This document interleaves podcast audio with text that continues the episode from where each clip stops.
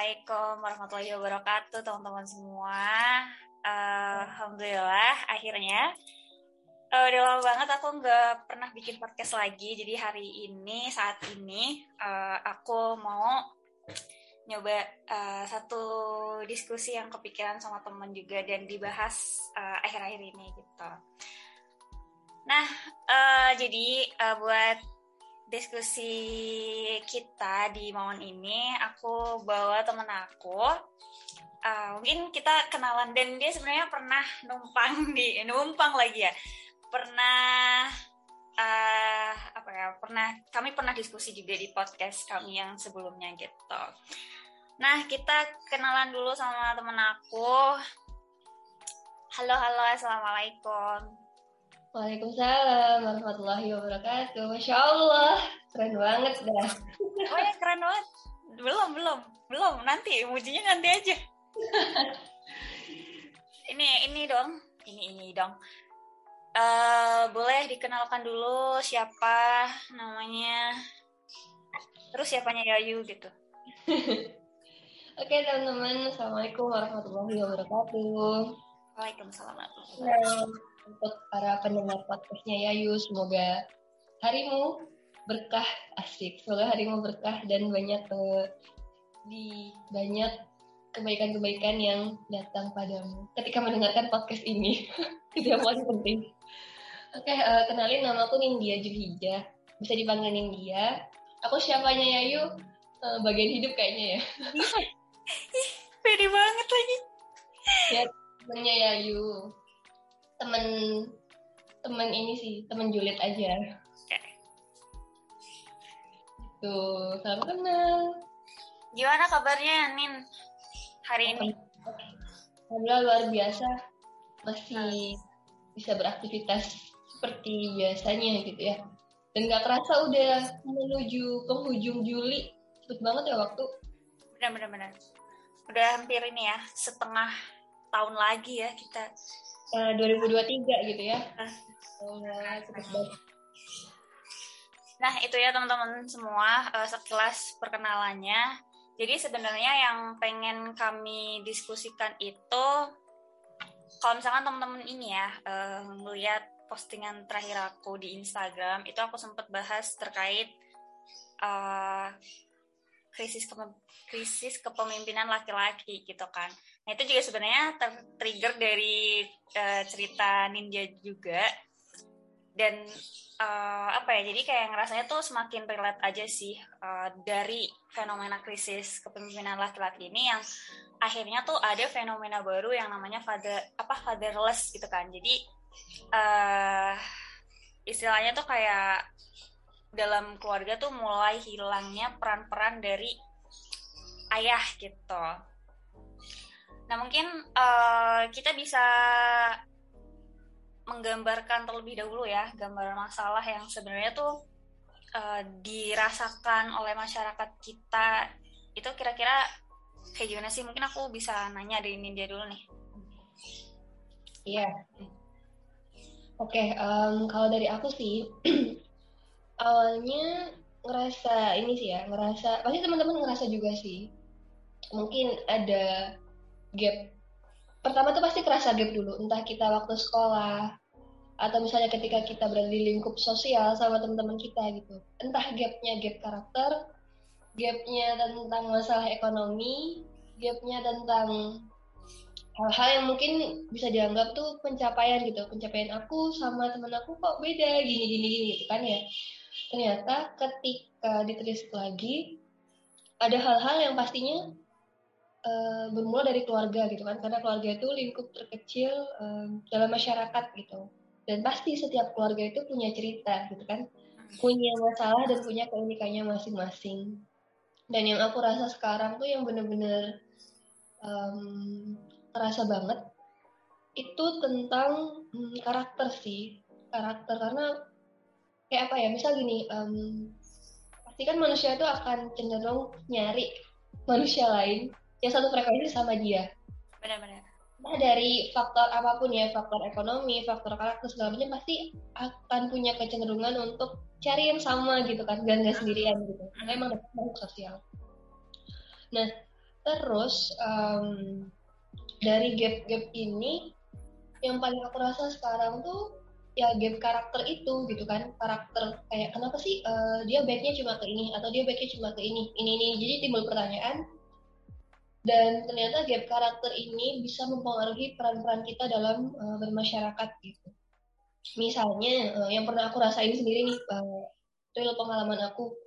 Uh, aku pernah di fase aku sangat powerful di hmm. luar keluarga aku di konteks keluarga aku. Tapi kenapa ya ketika uh, dalam konteks keluarga aku sendiri aku kurang powerful gitu untuk ambil peran untuk misalnya bantu kegiatan keluarga segala macam dan aku ngerasa kenapa nih? Kenapa um, akhirnya aku jadi punya gap dengan diriku sendiri gitu. Dan itu berdampak uh, dengan peran-peran aku ketika aku di keluarga dan uh, bermasyarakat gitu. Itu menurut aku yang paling dekat dan dari hal kecil sih dari diri kita sih. Itu sih gap yang aku rasain. Oh, kalau Yayu?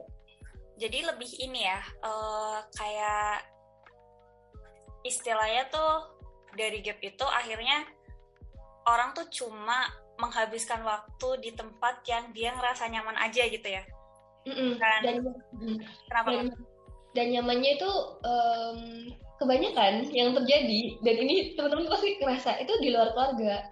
Entah ah. nyari temen yang tadi ya temen yang satu frekuensi yang entah apa apa pun itu indikator dan kriterianya dan ya yang paling fatal akhirnya nemu kenyamanannya tuh di konteks yang berlawanan dengan kebaikan gitu. Hmm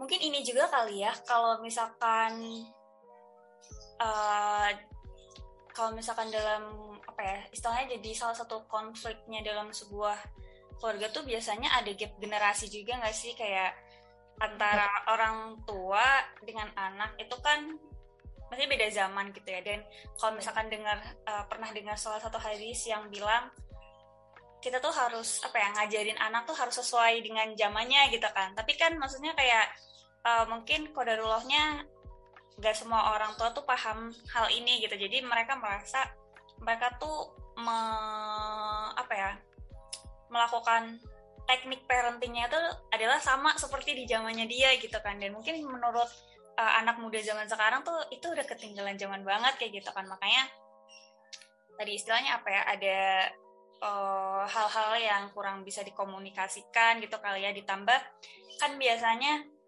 kalau um, kadang tuh set, apa ya ini nggak bisa mengeneralisir juga sih cuma mungkin kayak sebagian besar uh, orang tua itu teknik parentingnya tuh mungkin dia bukan ngajak ngobrol asertif diskusi dua arah tapi terkesan yang kayak lebih memerintah kayak gitu loh. Jadi istilahnya uh, anak itu dia nggak punya kesempatan untuk mereka bisa menyuarakan pendapatnya gitu, untuk bisa uh, apa ya, untuk bisa terlibat lah ya dalam diskusi gitu. Jadi istilahnya ya anak itu cuma bisa terima jadi gitu.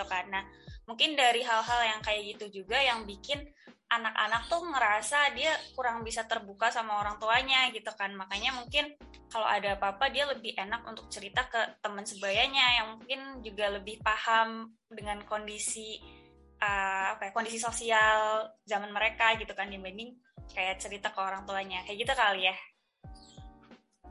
Iya benar benar dan tadi perlu ini ya, maksudnya mau menggarisbawahi yang hmm. masalah komunikasi gitu.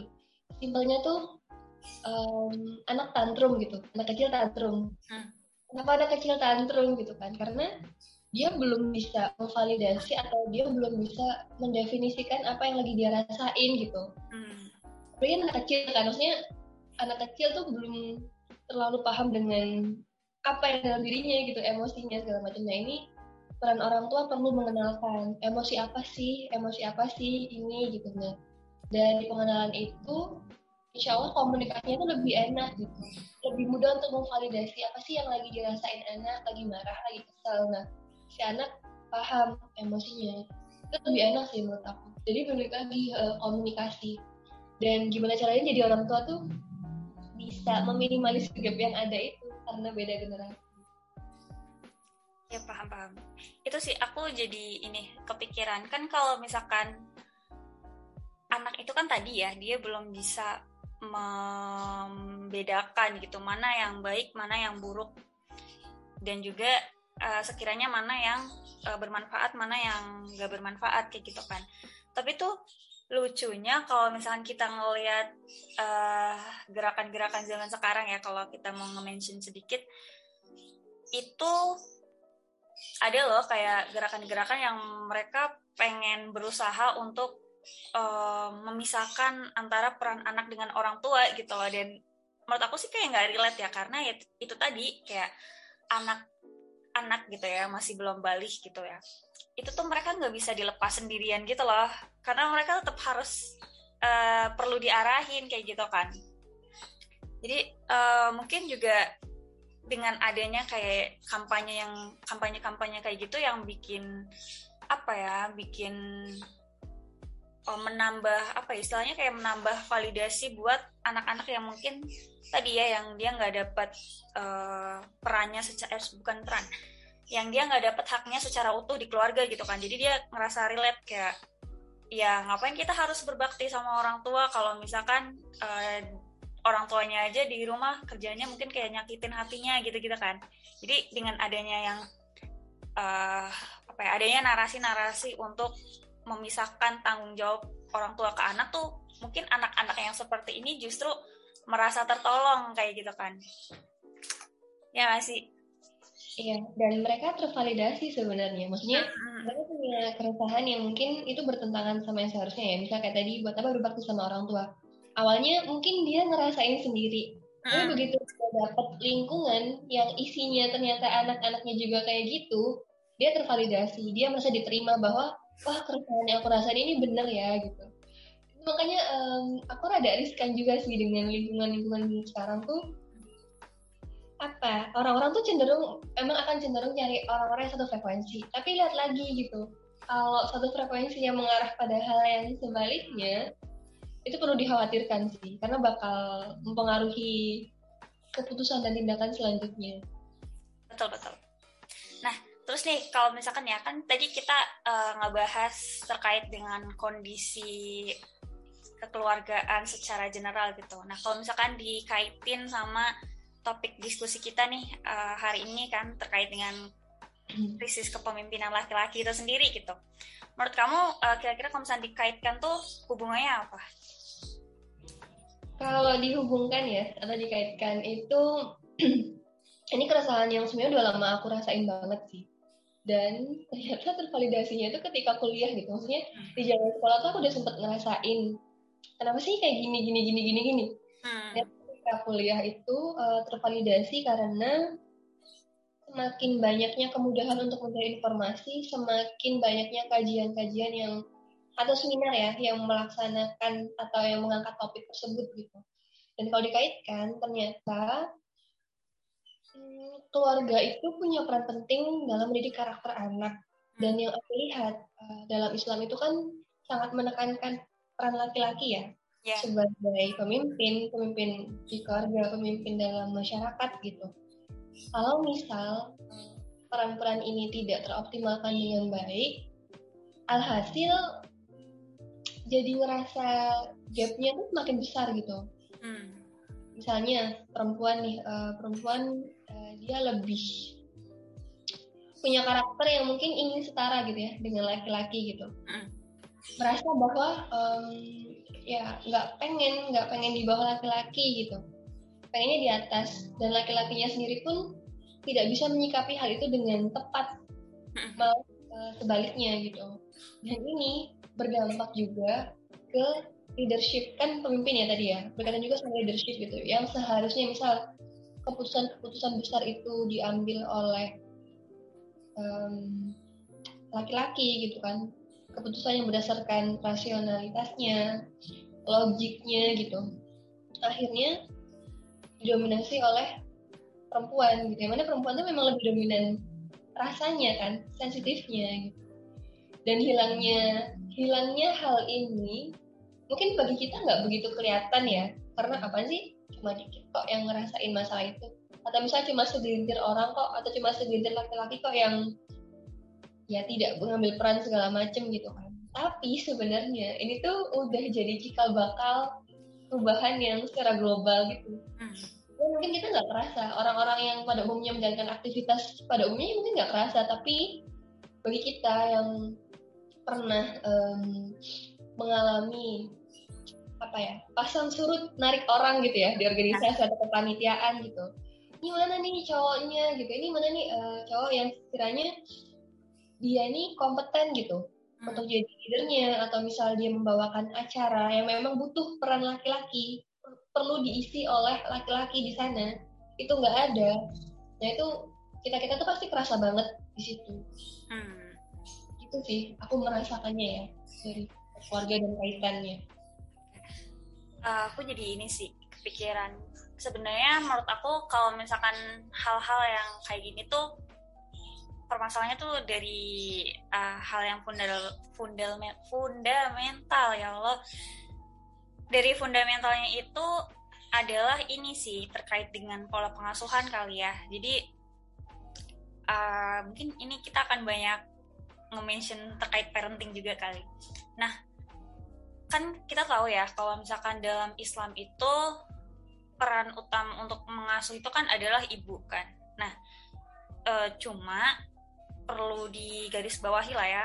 Itu ketika pada usia tertentu itu anak-anak tuh dia harus punya attach sama uh, ini ya sesuai dengan jenis kelaminnya gitu. Jadi misalnya laki-laki itu dia harus punya apa ya istilahnya punya sosok gitu ya sosok yang bisa membawa dia kepada sifat kelaki-lakian gitu loh. Jadi ya mungkin nggak harus ayahnya gitu ya kalau misalkan kodarullah udah nggak ada gitu.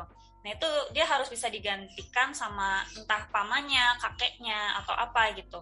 Pun sebaik apa ya sebaiknya lagi. Pun sebaliknya gitu. Kalau misalnya cewek kalau misalkan dia nggak ada ibu gitu nah itu dia bisa diganti sama bibinya sama mungkin kakaknya atau ya sesama sesama inilah ya sesama perempuan gitu kan nah karena uh, sebenarnya ketika di fase tersebut itu mereka harus apa ya mereka harus bisa ditanamkan uh, terkait dengan kayak feminitas atau maskulinitasnya gitu loh. Jadi kan misalnya ada ini ya, ada beberapa beberapa karakter yang emang dia tuh identik dengan satu jenis kelamin gitu. Misalnya kayak perempuan kan uh, lebih identik dengan perasaan lemah lembutnya, kasih sayangnya kayak gitu kan. Nah, itu kan juga harus bisa ditanamkan oleh uh, ya perempuan juga gitu. Atau mungkin kalau laki-laki dia kan karena kelak akan menjadi pemimpin gitu lah ya di keluarganya nanti itu dia harus punya uh, karakter yang dia bisa bertanggung jawab kayak gitu loh itu kan perlu ditanamkan juga kan sejak kecil gitu. Nah terus uh, berkaitan dengan itu juga yang tadi ya yang dimention sama Nindya yang terkait leadership sebenarnya aku juga uh, agak ngerasa ini sih tergelitik gitu. Karena kalau misalnya aku sendiri kan bisa dibilang tipe yang pengennya tuh gercep gitu ya sacet-sacet beres terus ngerjain yang lain kayak gitu kan. Nah kadang tuh aku juga ngerasa ketika misalnya nih uh, kita punya apa ya punya job punya tugas untuk mendelegasikan tugas ke misalkan uh, partner kita adalah uh, cowok gitu kan. Nah tapi kan kalau misalkan kita nemuin cowok yang istilahnya tuh geraknya tuh lelet gitu kadang kita kayak gergetan gitu loh kayak ah ya udahlah mending gue aja yang kerjain gitu kan. Kayak istilahnya karena si cowok-cowoknya ini dia secara apa ya secara ritme kerjanya tuh nggak bisa menyeimbangi kita gitu lah ya yang tadi sukanya gercep itu. Akhirnya kita yang kayak suka langsung turun tangan gitu loh. Ya udah kita ngerjain sendirilah gitu. Nah menurut aku juga kadang adanya orang-orang atau adanya perempuan-perempuan yang mereka ingin menjadi independent woman itu karena ya mereka menemukan kalau laki-laki di lingkungannya itu dia nggak bisa memainkan perannya dengan uh, benar gitu loh. Kayak istilahnya tuh lo tuh jadi cowok nggak becus banget sih kayak gitu loh. Makanya ya udah mending gue sendiri aja gitu kan. Nah itu. Gitu sih kalau kata aku. Ya, iya sih benar. Dan uh, berkaitan sama pola pengasuhan juga ya. Da, gimana ya? Kita nggak bisa menyalahkan orang tua juga sih. Dalam arti nggak semua orang tua itu apa ya dia mereka mereka paham bagaimana menjadi orang tua yang baik atau bagaimana mendidik uh, anaknya gitu nggak semua orang tua itu punya kesempatan belajar dulu betul mengingat uh, banyaknya faktor di masa lalu entah menikahnya karena dijodohkan atau segala macam atau mungkin tidak sepesat sekarang ya untuk mendapatkan informasi parenting gitu. Hmm. Dan menurut aku sih um, udah bukan waktunya lagi untuk menyalahkan kondisi tersebut. Gitu. Tinggal gimana kita um, mendidik diri kita sih. Mungkin kita nggak dapat uh, peran-peran itu. Mungkin kita nggak dapat kesempatan untuk merasakan uh, ayah ibu ketika mendidik kita dulu gitu kan. Dan itu tetap bisa kok uh, diupayakan meskipun kita udah saya dari usia-usia dewasa gitu ya tetap bisa kalau orang tuanya masih ada coba aja buka komunikasi coba diajak komunikasi atau misalnya um, tetap mencari figur tersebut dengan cara yang tepat gitu. Hmm. ke paman entah ke bibi ngobrol aja gitu. Minta nasihat sih. Kalau aku sih ngerasanya um, sejauh ini ya aku minta nasihat dengan dengan apa ya, istilahnya dengan alibi minta nasihat gitu ya. Nasihat hidup gitu jangan gitu ya mereka akan memberikan itu gitu. Dan mungkin nggak semuanya bisa kita serap ya. Tapi tetap komunikasi itu tetap perlu dibangun sama keluarga. Lepas gimana kekurangan mereka di masa lalu. Iya sih benar. Uh, kadang tuh maksudnya sebenarnya ini sih kalau misalnya kita ngomongin hal kayak gini kita harus paham dulu uh, tujuan atau alasan kita ada di dunia itu kan untuk diuji ya, diuji keimanannya gitu. Nah, bentuk ujian itu kan beragam. Tiap orang uh, diuji dengan apa yang Allah Allah uh, rasa mampu gitu untuk melewatinya lah ya. Yang intinya seseorang itu nggak akan pernah diuji dari sesuatu yang di luar batas kemampuannya itu ya. pertama kita clear ya di bagian situ nah hmm. Kemudian kemudian kan kayak kita juga harus memahami kalau yang namanya bentuk ujian itu kan beragam gitu. Mungkin uh, ada orang-orang yang mereka tuh diujinya tadi lewat keluarganya atau mungkin ada orang lain dari hartanya ada orang lain dari ilmunya dan banyak lah gitu.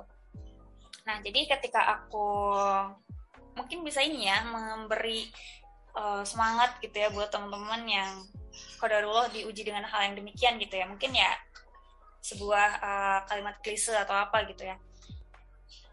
Tapi maksudnya apa ya? Uh, ya kalaupun kalian misalkan kayak diuji dengan hal yang kayak gini tuh ya pasti kalian tuh bisa gitu loh bisa. Maksudnya kayak kalian harus yakin dulu kalian tuh bisa melewati ini gitu. Karena istilahnya tuh kita nggak akan pernah dimintai pertanggungjawaban sama hal-hal yang di luar kendali kita gitu kan. Nah, yang kayak gitu kan bentuk ujian yang Allah kasih itu kan adalah sesuatu hal yang di luar kendali kita gitu. Jadi kita nggak perlu uh, terlalu memfokuskan diri, kenapa sih Allah uji aku dengan hal yang kayak gini kayak gitu kan. Nah, kemudian uh, yang tadi ya, uh, yang aku bisa bilang adalah ketika orang-orang diuji dengan hal-hal yang di luar kendalinya itu ya sebisa mungkin dia harus bisa menolong dirinya sendiri gitu loh. Karena istilahnya ya kalau misalkan nih konteksnya adalah kita yang udah gede lah ya udah bisa membedakan udah balik gitu. Itu kan bukan saatnya lagi kita itu uh, belajar dengan cara disuapi kayak gitu kan. Misalnya ya masa kalau misalkan orang tua kita nggak memenuhi hak mereka eh, hak kita gitu ya. Terus kita uh, cuma bisa kayak nyalahin mereka aja sih gitu. Kenapa kita nggak coba untuk kitanya juga gerak sendiri gitu ya? Kitanya ya kita juga nyari ilmu gitu. Loh ikhtiar sendiri nyari ilmu. Kalau misalnya kita udah tahu oh hal yang kayak gini tuh uh, ternyata eh, nggak uh, baik ya terus ya kita nyari tahu ilmunya sebenarnya yang baik tuh kayak gimana sih? Kayak gitu kan. Gitu sih. Jadi uh, apa ya? Ya mungkin tadi uh, kalau misalnya bisa dibilang juga jadi orang tua itu kan hal yang gak apa ya hal yang sulit gitu ya. Dalam artian ya nggak ada lah manusia yang sempurna nggak ada orang tua yang sempurna toh kita juga sebagai anak juga belum sempurna kan gitu. Ya itu sih jadi hmm, kadang tuh aku mikirnya kalau misalkan kayak gini hal yang paling bikin tenang itu adalah kita fokus menjalankan kewajiban kita dibanding kita uh, menuntut hak kita dari orang lain gitu loh. Karena uh, apa ya pokoknya yang pokoknya kayak hal-hal yang mengharuskan kita menuntut sesuatu ke orang lain itu malah bikin kitanya tuh tambah capek gitu loh. Jadi kayak ya udah kita menjalankan kewajiban kita aja karena ya dari kewajiban itulah yang nanti akan dipertanggungjawabkan di hadapan Allah gitu loh. Entah nanti orang lain yang mereka nggak memenuhi hak mereka kepada kita ya itu kan jadi urusannya dia sama Allah gitu kan. Itu pertanggungjawabannya dia nanti sama Allah gitu. Jadi uh, dengan hal-hal dengan apa ya mindset yang seperti itu tuh menurut aku malah bikin jauh lebih tenang aja sih gitu.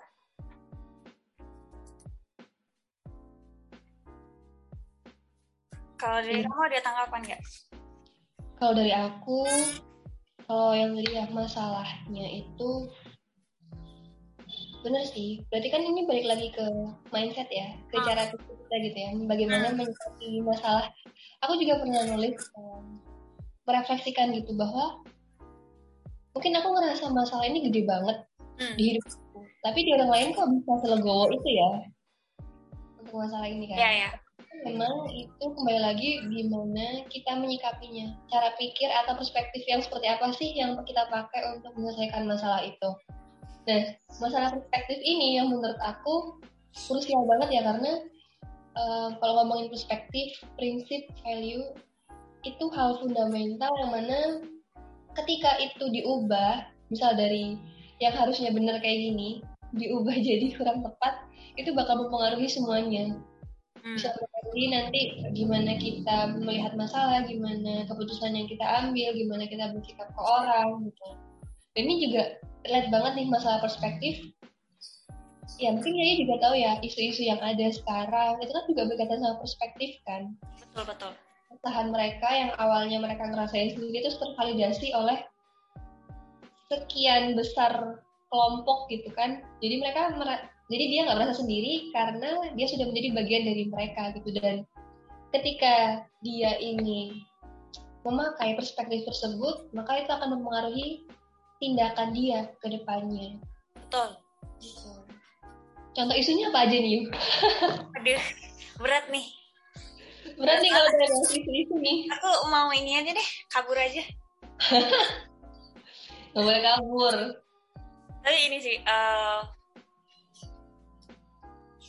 kadang tuh aku ngerasanya gini, jadi ketika tadi ya kalau misalnya kita mau nge-mention uh, kelompok-kelompok tertentu gitu,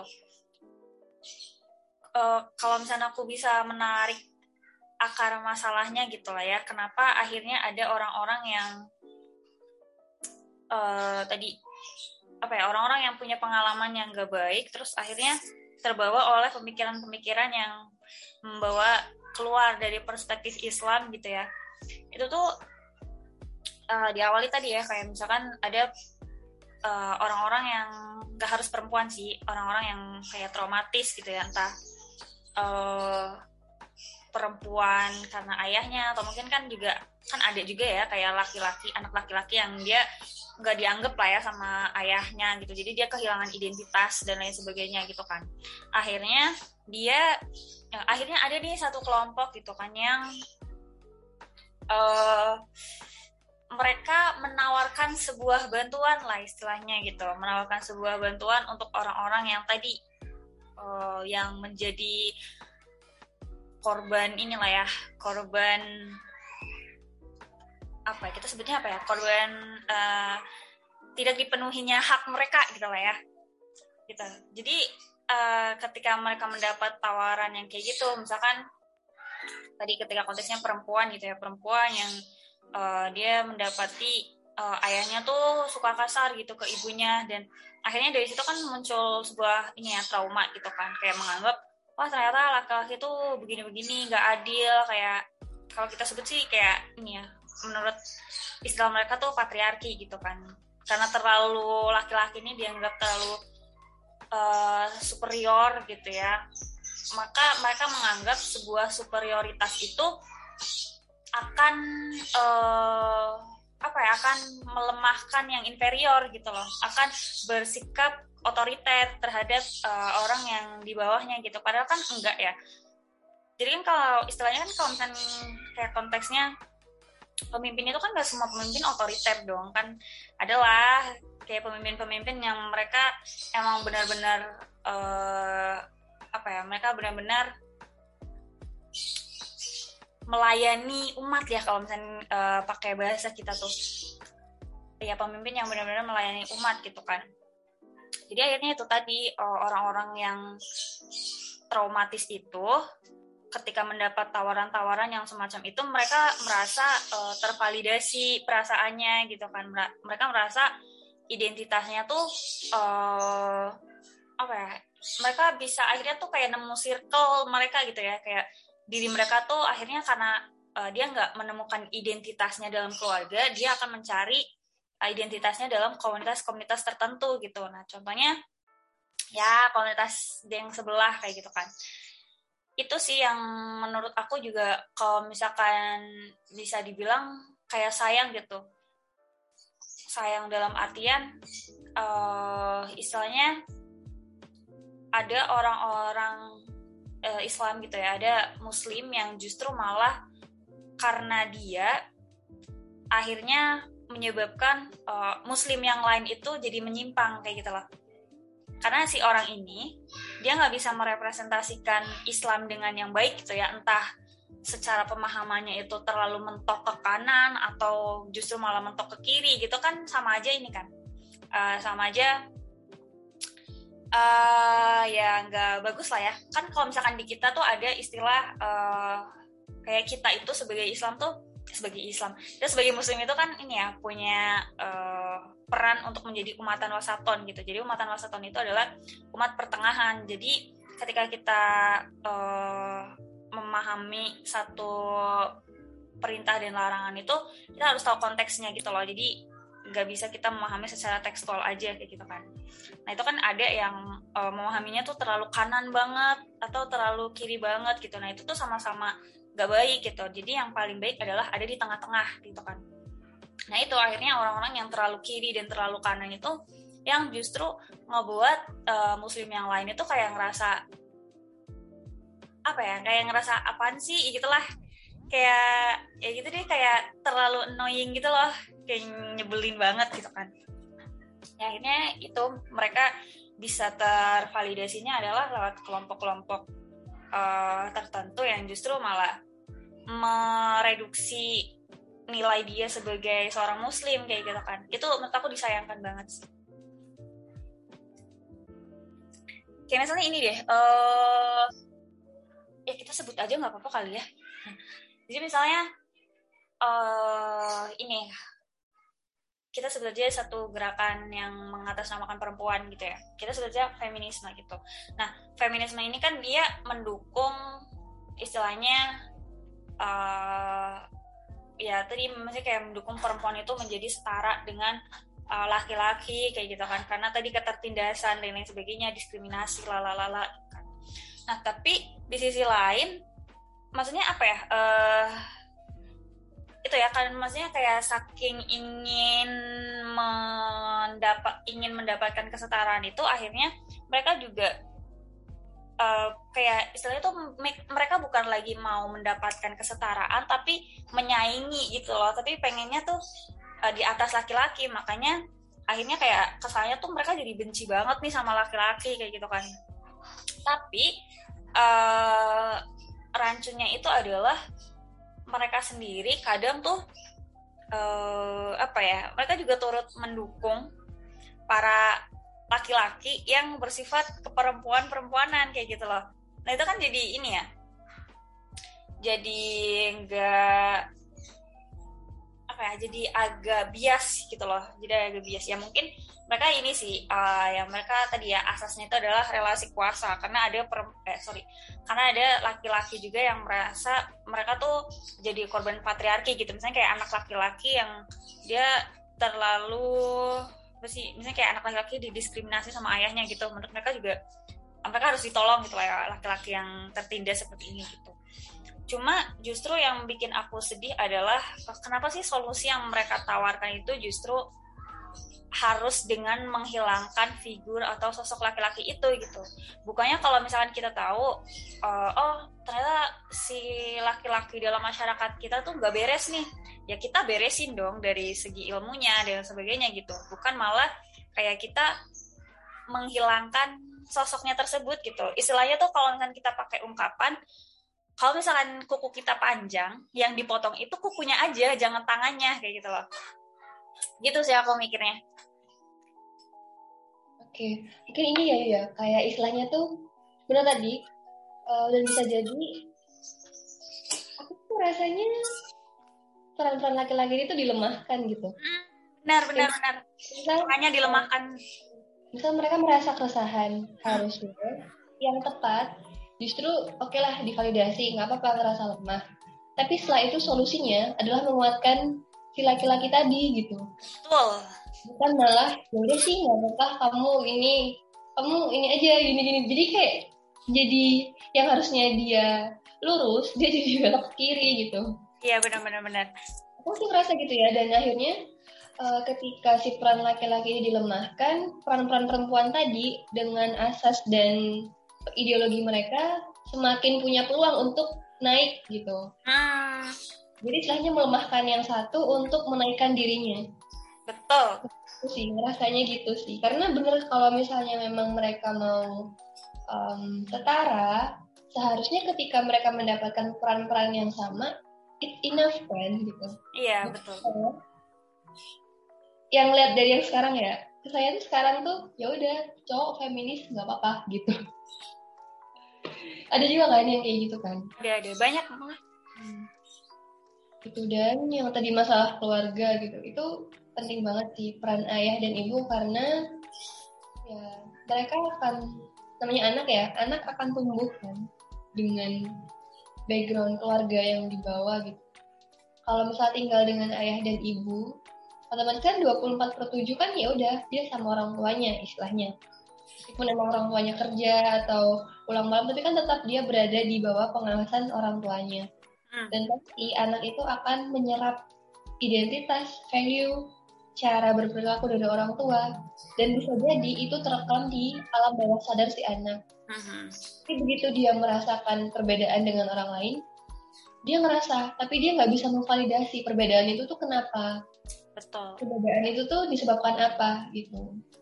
That's why kayaknya emang perlu menekankan diri sih untuk um, apa ya bahwa ada hal-hal yang memang hmm, perlu dipersiapkan gitu ketika nanti menjadi orang tua misalnya mendidik diri sendiri gitu karena ketika nanti akan didik seorang anak itu akan menjadi tantangan yang luar biasa. Dan pastinya bekalnya nggak sedikit gitu. Itu sih. Ya sebenarnya ini sih uh, kan kita tahu ya kalau nanti tuh laki-laki itu kan jadi kepala rumah tangga. Dan ya kalau misalnya kita mau pakai dalil Quran surat Anisa kan juga laki-laki itu adalah pemimpin atas perempuan kan nah sebenarnya kalau misalnya konteks kayak laki-laki jadi pemimpin rumah tangga itu uh, dalam artian kan ketika mempertimbangkan sesuatu ya misalkan kayak uh, oh mau bikin kurikulum pendidikan anak atau nanti uh, apa sih teknis menyiapkan tabungan buat anak pen, ah, tabungan pendidikan buat anak dan lain sebagainya itu kan diskusinya ini ya dari apa sih dari suami dan istrinya gitu kan. Tapi keputusan akhir itu akhirnya mau gimana gitu ya jadi segala pertimbangan itu mau yang dipilih yang mana itu yang nentuin uh, si laki-laki ini gitu. Nah nanti istilahnya kalau misalnya secara konsep udah fix nih nah nanti secara teknis secara eksekusi itu ya nanti tinggal dibagi-bagi peran lagi gitu loh. Jadi perannya ini harus ini ya maksudnya sesuai dengan porsinya harus sesuai dengan uh, kewajiban yang uh, dikasih sama Islam gitu ya kalau misalnya kita jadi muslim gitu kan. Nah itu kan maksudnya kayak tetap ya udahlah nanti bagi perannya tuh terserah kalian gitu. Entah kalian mau menyebut uh, kayak misalnya kayak masak itu adalah basic skill laki-laki dan perempuan harus bisa itu ya kalian bagi-bagi aja dikomunikasiin gitu. Entah nanti mungkin kalau uh, kalau pagi gitu yang masak istrinya gitu kan terus kalau malamnya yang masak suaminya ya itu terserah kalian lah itu urusan rumah tangga kalian dibicarain aja gitu lah. Itu kan maksudnya kayak apa ya uh, dalam artian menurut aku gini loh kan si kelompok itu juga mereka membawa sebuah stigma yang namanya gender roles gitu kan. Jadi kayak uh, apa ya jadi menurut mereka tuh kayak oh perempuan itu nggak harus uh, mas apa sih nggak harus bisa masak atau nggak harus masak gitu. Ya emang nggak harus gitu kan. Tapi justru uh, ini yang ini sih aku uh, highlight dari captionnya Ustadz Amari Salah gitu kan Amar Ari Salah uh, istilahnya apa ya? Ini jadi ini sih menurut aku yang mind blowing banget itu Islam itu sedet detail itu mengatur urusan umatnya gitu ya dari yang uh, bangun tidur sampai tidur lagi gitu kan. Itu justru uh, apa ya membuat kita tuh jadi orang-orang yang lebih tertib gitu loh dalam manajemen hidup gitu. Kayak istilahnya uh, kalau misalnya kita ini ya ya karena kita berdua belum menikah gitu kan kita uh, korelasinya sama uh, aktivitas kita di organisasi gitu. Misalnya nih di satu organisasi.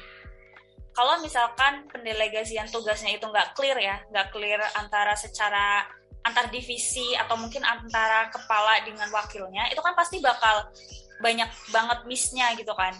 Kayak uh, ya banyak deh kayak mungkin uh, satu kerjaan malah dikerjain dua orang tapi yang satunya malah nggak ada yang ngerjain kayak gitu misalnya kayak gitu. Nah itu kan uh, apa ya clearnya sebuah pendelegasian tugas itu kan bikin satu pekerjaan itu jadi lebih uh, efektif dan efisien gitu kan. Ya walaupun meski kita juga tahu uh, mungkin nih uh, misalkan ada divisi acara sama divisi humas gitu ya. Mungkin anak acara dia tetap bisa misalnya dia juga bisa uh, apa sih punya soft skill gimana caranya uh, apa ya memposting di media sosial gitu ya. Maksudnya anak acara juga mungkin dia bisa mengerjakan tugas-tugasnya anak humas gitu. Tapi kan tadi pembagian peran itu kan uh, yang membuat satu pekerjaan itu lebih efisien, lebih cepat dan lebih meringankan gitu kan. Nah, jadi aku merasa ketika sebuah uh, tadi ya peran-peran yang udah clear justru malah disebut sebagai stigma itu malah bikin uh, ses, apa ya segala sesuatunya itu jadi bias gitu loh jadi gak jelas. Jadinya cewek tuh harusnya apa cowok tuh harusnya apa. Nah justru kebiasaan inilah yang bikin uh, malah jadi kayak permasalahan yang baru gitu. Istilahnya kayak ya lo udah dipermudah kenapa harus mempersulit diri gitu loh? Gitu sih. Iya benar. Dan apa ya menurut aku karena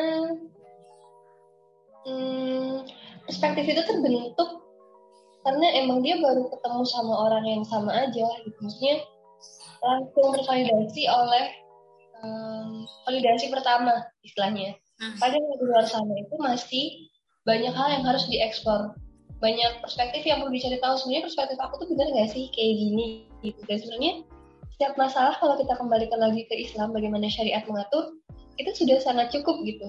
Mm. yang sederhana atau misalnya tadi ya um, urusan rumah tangga gitu kan. Ini Islam sudah mengatur sedemikian rupa. Tinggal gimana kita mau ambil atau misalnya kita mau menjalankan syariat itu um, apakah kita tuh sudah sepaham itu gitu? Hmm. kan kan ini ya uh, kalau ingat katanya Yayu uh, fase di mana kita bisa dibilang bisa implementasi kayak tadi ya tugas-tugas uh, di organisasi hmm. kita bisa implementasi dengan baik adalah ketika kita sudah benar-benar paham kita sudah clear kita sudah selesai dengan apa peran kita apa tugas kita aku udah tahu nih uh, tugas aku sebagai leader tuh ngapain aku harus mengarahkan ke aku harus mengarahkan humas ke ini ini ini gitu kan ya hmm. ketika itu sudah clear aku akan lebih enak menjalankannya karena aku paham aku mau bawa diriku ke mana hmm. dan itu bisa banget uh, apa ya diimplementasikan ke hal yang lain gitu. Makanya ketika mungkin kita ngerasa kok nggak clear ya kok rasanya nggak tepat ya. Berarti memang ada hal-hal yang harus dicari tahu dulu nggak tepatnya di mana. Hmm. salahnya di mana atau barangkali metode dan perspektif yang kita pakai itu memang kurang tepat dengan masalah yang ada. Gitu. Jadi kompleks banget ya Yuk bisa ke mana-mana ya implementasinya ya tentang hal-hal ini ya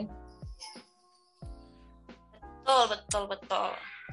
Nah uh, dari diskusi kita yang panjang tadi ya uh, dari tadi permasalahan keluarga secara general terus uh, mengaitkannya eh permasalahan keluarga yang secara general terus akhirnya gimana akhirnya gimana akhirnya gimana akhirnya ada laki-laki uh, yang uh, kurang apa ya kurang apa ya laki-laki yang kehilangan perannya gitu lah ya hmm. dan kita kaitkan dengan pola pengasuhan dan kepemimpinan gitu ya. Dari Nindya sendiri nih, uh, kira-kira ada sebuah uh, konklusi secara keseluruhan nggak yang bisa diambil dari diskusi kita buat uh, hari ini? Oke, okay, aku pribadi hmm, ngerasanya ya bahwa ketika kita sebagai manusia, perempuan, laki-laki sudah paham sudah selesai gitu ya dengan tugas dan peran kita sudah selesai untuk memahaminya gitu insya Allah kita bakal bisa menjalankan tugas-tugas yang lebih besar itu lebih enak gitu. karena kita udah paham fundamentalnya kita udah paham basicnya kita paham nih koridor yang mau kita pakai itu dalam koridor yang seperti apa dan itu nggak bias sebenarnya makanya ini juga uh, dari pengalaman aku pribadi sih sebagai perempuan misal nih ketika kita diperlakukan baik oleh laki-laki itu bukan bukan karena kalau aku sekarang yang lihatnya bukan karena dia ada perasaan atau karena dia tertarik gitu. Tapi ya itu memang tugas laki-laki adalah memberikan rasa aman dan nyaman gitu. Karena dia akan melindungi banyak orang sebenarnya. Jadi bukan konteks yang romansa gimana menye-menye gitu tapi memang seperti itu laki-laki karena dia akan jadi pemimpin gitu ketika dia bisa memberikan perlindungan yang baik kepada perempuan, menjaga haknya, bisa memberikan uh, arahan gitu ya. Apalagi kalau misalnya dalam konteks organisasi, kepanitiaan laki-laki ini jadi leader, dia tahu gimana ngetrit anggota-anggotanya. Justru memang itu, basicnya itu memang itu seharusnya laki-laki gitu. Makanya ketika um, ada masalah-masalah yang ada sekarang, dengan perspektif aku yang sekarang, aku jadi melihat bahwa ya memang seperti itu harusnya laki-laki dan perempuan yang mungkin masih merasa baper atau misalnya ih kayaknya um, laki-laki ini ada sesuatu sama aku hmm. bisa jadi memang ada tangki cinta yang belum penuh dari orang tuanya terhadap perempuan tadi. Nah jadi apa ya teman-teman uh, mulai terasa clear ya dari posisi laki-laki atau dari peran laki-laki harusnya seperti apa dan perempuan tuh harusnya seperti apa. Dan ketika kita sama-sama nih laki-laki dan perempuan bisa bertugas dengan baik gitu ya bisa um, sama-sama ngerem gitu biar nggak kebablasan istilahnya hmm. itu insya Allah kita akan menjalani hidup dengan lebih tenang sih dan apa ya kita nggak perlu menghadapi masalah yang sebenarnya nggak perlu kita hadapi gitu kalau tugas basicnya apa yuk kalau perempuan menutup aurat kalau laki-laki laki-laki menundukkan pandangan kan kalau misalnya masing-masing um, tugas ini bisa berjalan dengan baik gitu, itu bakal aman banget, bakal tentram istilahnya. Jadi baik lagi teman-teman, um, peran kita, tugas kita itu tidak mudah gitu. Makanya kalau aku sih, aku ke diri aku, aku bilang bahwa um, India harus segera selesai dengan masalah-masalah kecil gitu. Karena gimana bisa masuk ke ranah yang lebih besar? Kalau masalah kecil atau masalah pribadi aku aja aku nggak bisa menanganinya dengan baik. Itu teman-teman. Karena um, masalah kita banyak gitu. Jadi jangan memperumit diri sendiri dengan masalah-masalah kecil yang sebenarnya nggak perlu. Gitu. Um, untuk laki-laki gitu ya semangat untuk uh, memperbaiki diri memantaskan diri bahwa kalian sudah Allah uh, Allah percaya kalian dengan lahirnya kalian sebagai laki-laki gitu ya berjenis kelamin laki-laki berarti kalian punya kesempatan untuk menjadi pemimpin yang baik. Itu menurut aku privilege loh karena nggak semua laki-laki bisa merasakan fitrahnya kan. Hmm. ketika teman-teman di sini sudah merasakan keresahan sudah bisa tahu nih uh, pakai metode apa itu dalam kode syariat gitu ya. Uh, insya Allah kita akan menjadi kesempatan yang luar biasa untuk teman-teman menunjukkan teman-teman layak loh sebagai laki-laki dipercayakan sama Allah di muka bumi untuk menjadi pemimpin yang baik gitu untuk melindungi perempuan untuk mem, apa ya mensejahterakan banyak orang gitu. intinya kontribusilah kita hidup di dunia itu buat kontribusi buat agama kita ya. gitu ya Oke, setuju. Soalnya ini sih aku mau mengklirkan satu hal tadi yang sebenarnya tuh uh, perintah menutup aurat dan menjaga pandangan itu sebenarnya dia diperintahkannya buat laki-laki sama perempuan gitu. Cuma karena laki-laki itu dia uh, bisa dibilang tuh kayak makhluk visual gitu ya. Visualnya tuh lebih dominan dibanding perempuan, makanya menjaga pandangan itu uh, lebih ditekankan ke laki-laki uh, kayak gitu. Tapi keduanya sama cewek cowok harus bisa menjaga aurat dan pandangannya gitu. Sama ini sih aku jadi ini keinget tadi yang disampaikan sama Ninja kalau misalkan laki laki-laki tuh emang secara naluri itu uh, dia akan melindungi perempuan gitu kan. Itu aku ada pernah satu kejadian gitu kan. Jadi uh, adalah uh, agenda misalnya kayak kalau misalnya di kita tuh ini ya namanya team building gitu kan kayak acara internal gitu jadi uh, ada satu momen di mana uh, anak laki-lakinya kayak ya anak laki-lakinya gitu ya. Itu tuh ya aku mesti kayak aku dan teman-teman cewek yang lain tuh tahu gitu kalau misalnya niat dia tuh baik gitu untuk menjaga gitu kan. Untuk menjaga maksudnya takutnya ini anak ceweknya pada kenapa-napa gitu kan. Tapi di sisi lain tadi kadang uh, kadang kayak kita sebagai cewek tuh ngerasa ah kita tuh nggak perlu dijaga se oh ya seketat itu dalam artian ini ya maksudnya kayak kita juga masih bisa menjaga diri gitu. Takutnya kalau misalnya lu terlalu menjaga kami tuh kitanya malah jadi risih gitu lah. Kita jadi ya risih gitu lah. Dan itu tuh maksudnya kayak ya kita tahu maksudnya naluri mereka niat baik mereka tuh akan menjaga ini kan teman-teman ceweknya gitu kan. Tapi di situ kayak ya gitu maksudnya kayak polos-polos gana gitu. Itu emang jadi apa ya aku mikirnya emang ya nalurinya mereka seperti itu kayak gitu terus juga sama ini sih uh, mungkin tadi ya ada uh, ketidaksinkronan gitu kan ketika tadi uh, ya laki-laki merasa bahwa nalurinya mereka adalah uh, melindungi gitu kan. Tapi si perempuannya ya tadi karena dia dominan perasaan ngerasa dirinya tuh dispesialkan gitu kan. Kayak ngerasanya oh uh, wah jangan-jangan si cowok ini suka deh sama gue gitu misalnya kayak gitu. Dan aku tuh baru itu sih baru uh, uh, kemarin-kemarin banget gitu kan kayak dikasih tahu. Kayak kan aku sempet ini ya mempertanyakan gitu kan aku diskusi lah sama satu senior. Kayak mempertanyakan kenapa sih oh, sekarang itu banyak banget jadi kayak cewek yang uh, apa ya sih ahot-ahot lah ya ahot-ahot yang kayak kerjanya tuh ngomonginnya jodoh mulu gitu kan. Ya oke okay lah kita maksudnya kan jodoh itu ada waktunya oke okay lah kita mempersiapkan uh, dari jauh-jauh hari gitu tapi ketika maksudnya kayak setiap hari, setiap saat yang dibahasin jodoh kan lama-lama kita yang mendengarkan tuh kayak enak gitu loh kayak eh, emang gak ada bahasan lain gitu kan. Terus uh, senior aku nih, senior aku nih dia jawab ya mungkin orang-orang kayak gitu ya kerjaannya cuma uh, nge-followin seleb-seleb di medsos atau mungkin nontonin drama-drama atau baca-baca yang ya yang halu-halu gitulah. Jadi istilahnya tuh kayak ya mereka emang dalam dunia nyatanya tuh kurang amanah gitu loh. kurang amanah dalam artian eh, nggak uh, ada tanggung jawab lain yang bisa dia kerjain. Makanya dia lebih banyak menghabiskan waktu dalam uh, dunia fantasinya mereka kayak gitu loh. Jadi mungkin ini ya kalau konteks buat kita menjaga diri juga gitu ya perempuan-perempuan menjaga diri uh, istilahnya apa ya sibukkan diri dalam hal-hal kebaikan gitu loh.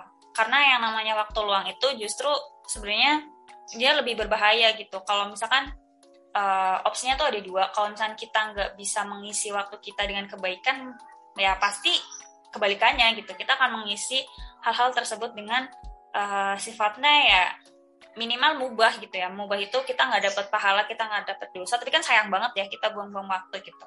Dan yang paling parah ya malah bisa berpotensi uh, jadi maksiat kayak gitu kan gitu sih paling dari aku oke uh, mungkin uh, ya sebagai penutup tadi ya yang uh, sempat mention Ninja juga. Jadi sebenarnya kalau misalkan uh, kita memahami diri kita sebagai uh, Muslim gitu ya, uh, kayak konsep ketaatan itu adalah uh, taat itu baru bisa ada baru bisa dikerjakan ketika telah selesainya pemahaman seseorang kayak gitu loh. Jadi ya orang tahu kenapa dia harus taat karena dia udah tahu esensinya gitu. Nah kalau misalkan uh, dari temen-temen nih yang uh, belum tahu istilahnya belum tahu esensi tujuan dari sebuah syariat yang Allah turunkan ke kita gitu. Minimal kita tuh bisa berprasangka baik terlebih dahulu gitu loh. Jangan kayak apaan sih Islam ngatur-ngatur uh, umatnya harus begini demi gitu. Itu jangan sampai kita mikir kayak gitu dulu.